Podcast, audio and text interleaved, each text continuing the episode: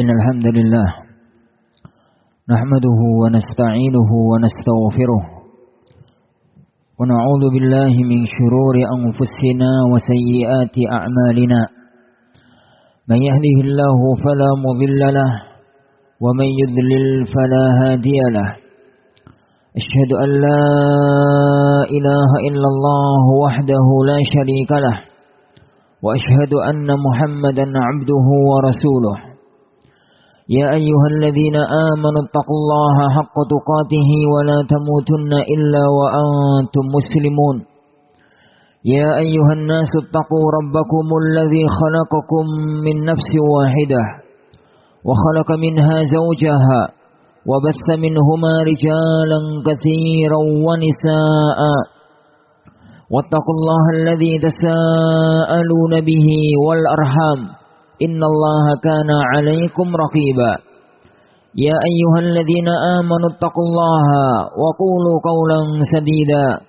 يصلح لكم أعمالكم ويغفر لكم ذنوبكم. ومن يطع الله ورسوله فقد فاز فوزا عظيما. أما بعد فإن أصدق الحديث كتاب الله. وخير الهدي هدي محمد صلى الله عليه وعلى آله وسلم. وشر الأمور محدثاتها فإن كل محدثة بدعة وكل بدعة ضلالة وكل ضلالة في النار Jamaah kaum muslimin sidang jamaah salat Jumat yang semoga senantiasa dianugerahi rahmat dan taufik dari Allah Subhanahu wa taala. Ketahuilah bahwasanya kita umat manusia tercipta dengan segala kelemahan, tercipta dengan segala keterbatasan. Allah Subhanahu wa taala menyebutkan ini dalam firman-Nya wa khuliqal insanu dha'ifa dan manusia itu tercipta dalam kondisi yang lemah. Suatu hari Rasulullah sallallahu alaihi wa alihi wasallam membuat garis kotak. Lalu beliau membuat garis di tengah-tengah itu garis lurus yang menembus garis tadi. Dan di kanan kirinya ada garis nyamping kanan, ada garis nyamping kiri. Lalu beliau sallallahu alaihi wasallam mengatakan, garis kotak itu adalah batas kemampuan manusia. Sedangkan garis tengah yang menjulur ke atas itu adalah cita-citanya. Sedangkan garis yang ke kanan kiri adalah segala aral melintang yang menghalangi kehidupan umat manusia. Manusia yang hidup dibatasi dengan ajalnya. Manusia tidak hidup selama-lamanya. Dia dibatasi dengan ajal yang dikatakan oleh beliau sallallahu alaihi wasallam, "A'maru ummati ma baina sittin ila sab'in." Umur umatku itu kisarannya antara 60 sampai 70 tahun. Wa qalla man tajawaza. Dan sangat sedikit orang yang mencapai batas atau melalui batas itu, melampaui batas itu. Manusia dibatasi dengan kesehatan, manusia dibatasi dengan kesibukan, manusia dibatasi dengan ekonomi, manusia dibatasi dengan segala sesuatu yang ada dalam alam kehidupan ini. Padahal kita hidup di alam dunia ini adalah menyiapkan bekal, menyiapkan yakni bekal yang besar, yang banyak untuk menuju kepada alam keabadian. Rabbuna Jalla wa Ala mengatakan, "Wabtaghi fi ma ataka Allahu daral akhirah wa la tansa nasibaka minad dunya." Carilah kamu dari semua apa yang Allah anugerahkan kepadamu. Allah menganugerahkan kepada kita umur, Allah menganugerahkan kepada kita usia yang muda, Allah menganugerahkan kepada kita kesehatan, Allah menganugerahkan kepada kita kekuatan, Allah menganugerahkan kepada kita kekayaan dan semua anugerah-anugerah yang lain. Wabtahi fima ataqallah. Carilah dengan semua yang Allah anugerahkan kepadamu ad-daral akhirah untuk mendapatkan kampung akhirat. Tapi wala tansa nasibaka dunya. Jangan lupakan bahwa kamu hidup di dunia ini juga butuh bekal untuk menjalani kehidupan di alam dunia ini. Makanya orang yang cerdas, orang yang cerdas yang hidup di alam dunia ini adalah orang yang menjadikan dunia murni sebagai jembatan dan bekal menuju alam akhirat.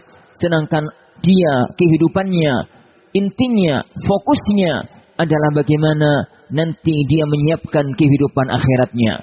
Rasulullah sallallahu alaihi wasallam bersabda, "Al-kais man dana nafsahu wa amila lima ba'dal maut wal 'ajizu man ittaba'a nafsuhu hawa wa tamanna 'ala Allahil amaniya."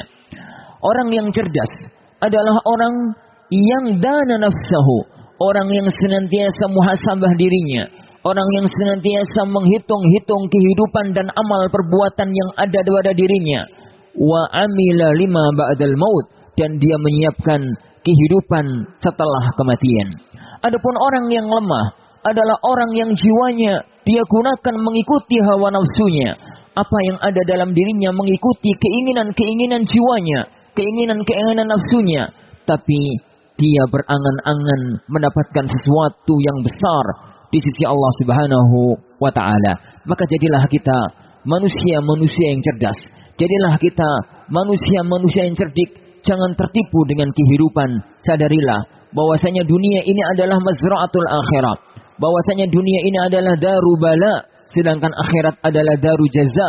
Maka peganglah konsep agama kita konsep kehidupan yang digariskan oleh Allah Subhanahu wa taala. Wabtaghi fima ataqallahu daral akhirah wala tansa nasibaka minad dunya. Yani carilah dengan semua yang Allah anugerahkan kepadamu untuk mencari kehidupan akhirat. Tapi jangan lupakan bahwa kamu pun butuh bekal hidup di alam dunia ini aku qauli hadza wa astaghfirullah li wa lakum wa lisairil muslimina wal muslimat wastaghfiruh innahu huwal ghafur rahim.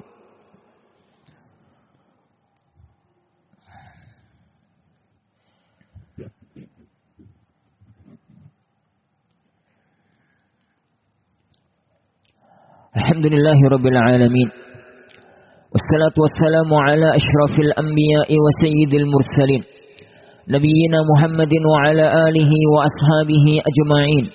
ولا حول ولا قوة إلا بالله رب العالمين. اللهم صل وسلم وبارك على عبدك ورسولك محمد وعلى آله وأصحابه أجمعين. ولا حول ولا قوة إلا بالله رب العالمين. جماعة مسلمين sidang jamaah salat Jum'ah yang dimuliakan oleh Allah Subhanahu wa taala.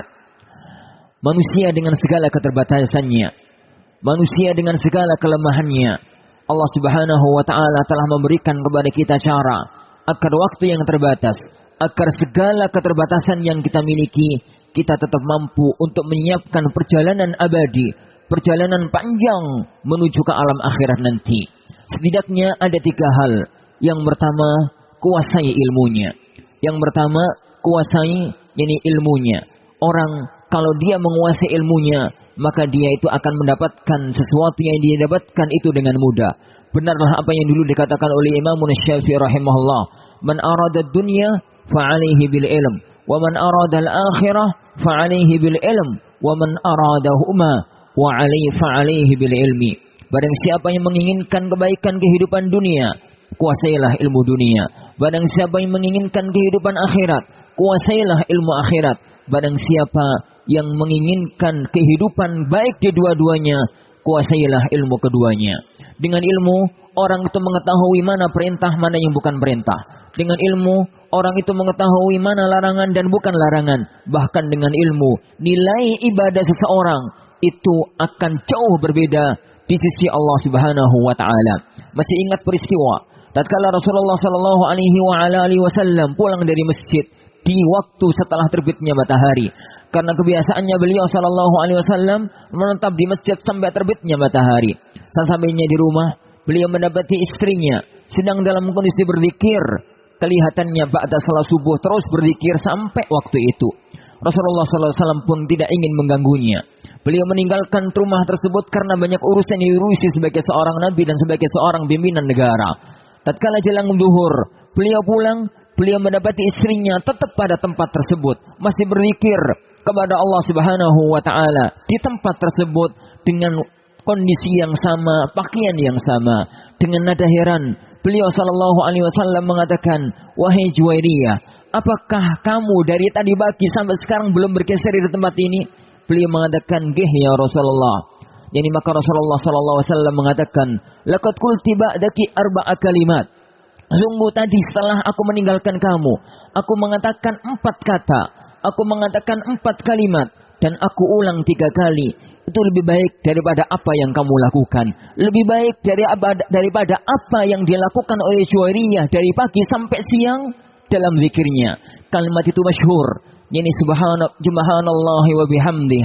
Adada khalqi wa nafsi wa zinata wa midada kalimati. Perhatikanlah sesuatu yang sama, sama-sama berzikir kepada Allah Subhanahu wa taala.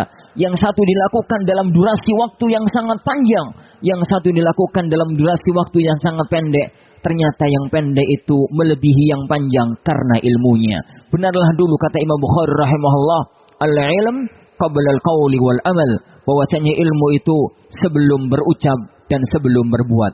Yang kedua, maksimalkan untuk melecitkan ibadah di waktu-waktu Allah melipat gandakan amal kebajikan. Di waktu-waktu Allah Subhanahu wa taala yani melipat gandakan amal kebaikan seorang hamba dan itu secara umum dalam setahun ada dua. Yang pertama telah lewat bulan Ramadan yang kemarin, yang kedua ada di hadapan kita yaitu 10 hari yang pertama bulan Dzulhijjah. Kata Rasulullah sallallahu alaihi wasallam, "Ma min ayyam al-amalu salihu fihinna ahabbu ila Allah min hadhihi al-ayyamil ashr." Tidak ada hari-hari yang mana amal saleh lebih dicintai oleh Allah Subhanahu wa taala dibandingkan dengan hari-hari yang diamalkan, dibandingkan dengan amal kebajikan yang diamalkan di 10 hari pertama bulan Dzulhijjah. Para sahabat kemudian mengatakan, "Ya Rasulullah, walal jihadu fi sabilillah. Ya Rasulullah, tidak pula jihad fi sabilillah. Beliau mengatakan walal jihadu fi sabilillah. Tidak pula jihad fi sabilillah illa rajulun kharaja bi nafsihi wa malih wa lam yarji bi syai'in min dhalik. Kecuali seseorang yang dia keluar dengan hartanya, dengan jiwanya dan dia tidak pulang dengan sesuatu pun darinya. Yang ketiga, usahakanlah tatkala jasad kita meninggal dunia tatkala jasad kita terkubur kaku di alam kubur, maka amal dan kebajikan kita tidak pernah ikut meninggal dunia. Itu adalah amal saleh yang kita tinggalkan setelah kita meninggal dunia. Idza matal insan in amaluhu illa min salas. Apabila seorang itu meninggal dunia, maka seorang akan maka semua amalnya akan terputus kecuali tiga perkara. Yani sadaqatun jariyah, sedekah yang terus mengalir amal kebaikannya. Yani wa ilmun yuntafa'u bihi dan ilmu yang selalu bermanfaat. Yang ketiga wa waludun salihun yad'u lahu dan anak saleh yang mendoakan kepadanya. Maka jadilah orang-orang yang cerdas. Jadilah kita manusia-manusia yang cerdik. Waktu kita yang terbatas, umur kita yang terbatas, kesehatan kita yang terbatas, gunakanlah cara agar kita mampu untuk nanti menghadap Allah Subhanahu wa taala dalam kondisi membawa bekal yang banyak dan siap untuk menghadapi perjalanan alam akhirat nanti. Alhamdulillahirabbil alamin. Wassalatu wassalamu ala asyrafil anbiya'i wal mursalin. Allahumma fir lil muslimina wal muslimat wal mu'minina wal mu'minat al ahya'i minhum wal amwat innaka samii'un qaribun mujibud da'wat. Rabbana la tu'akhidhna in nasina wa akhtana. ربنا ولا تحمل علينا إسرا كما حملته على الذين من قبلنا. ربنا ولا تحملنا ما لا طاقة لنا به. واعف عنا واغفر لنا وارحمنا. أنت مولانا فانصرنا على القوم الكافرين. ربنا هب لنا من أزواجنا وذرياتنا قرة أعين واجعلنا للمتقين إماما. ربنا آتنا في الدنيا حسنة وفي الآخرة حسنة وقنا عذاب النار. عباد الله Innallaha ya'murukum bil 'adli wal ihsan wa ita'i dzil qurba wa yanha 'anil fahsya'i wal munkari wal baghi. Ya'idzukum la'allakum tadhakkarun. Fas'alullaha yu'tikum wastaghfiruhu yaghfir lakum wa la akbar. Wa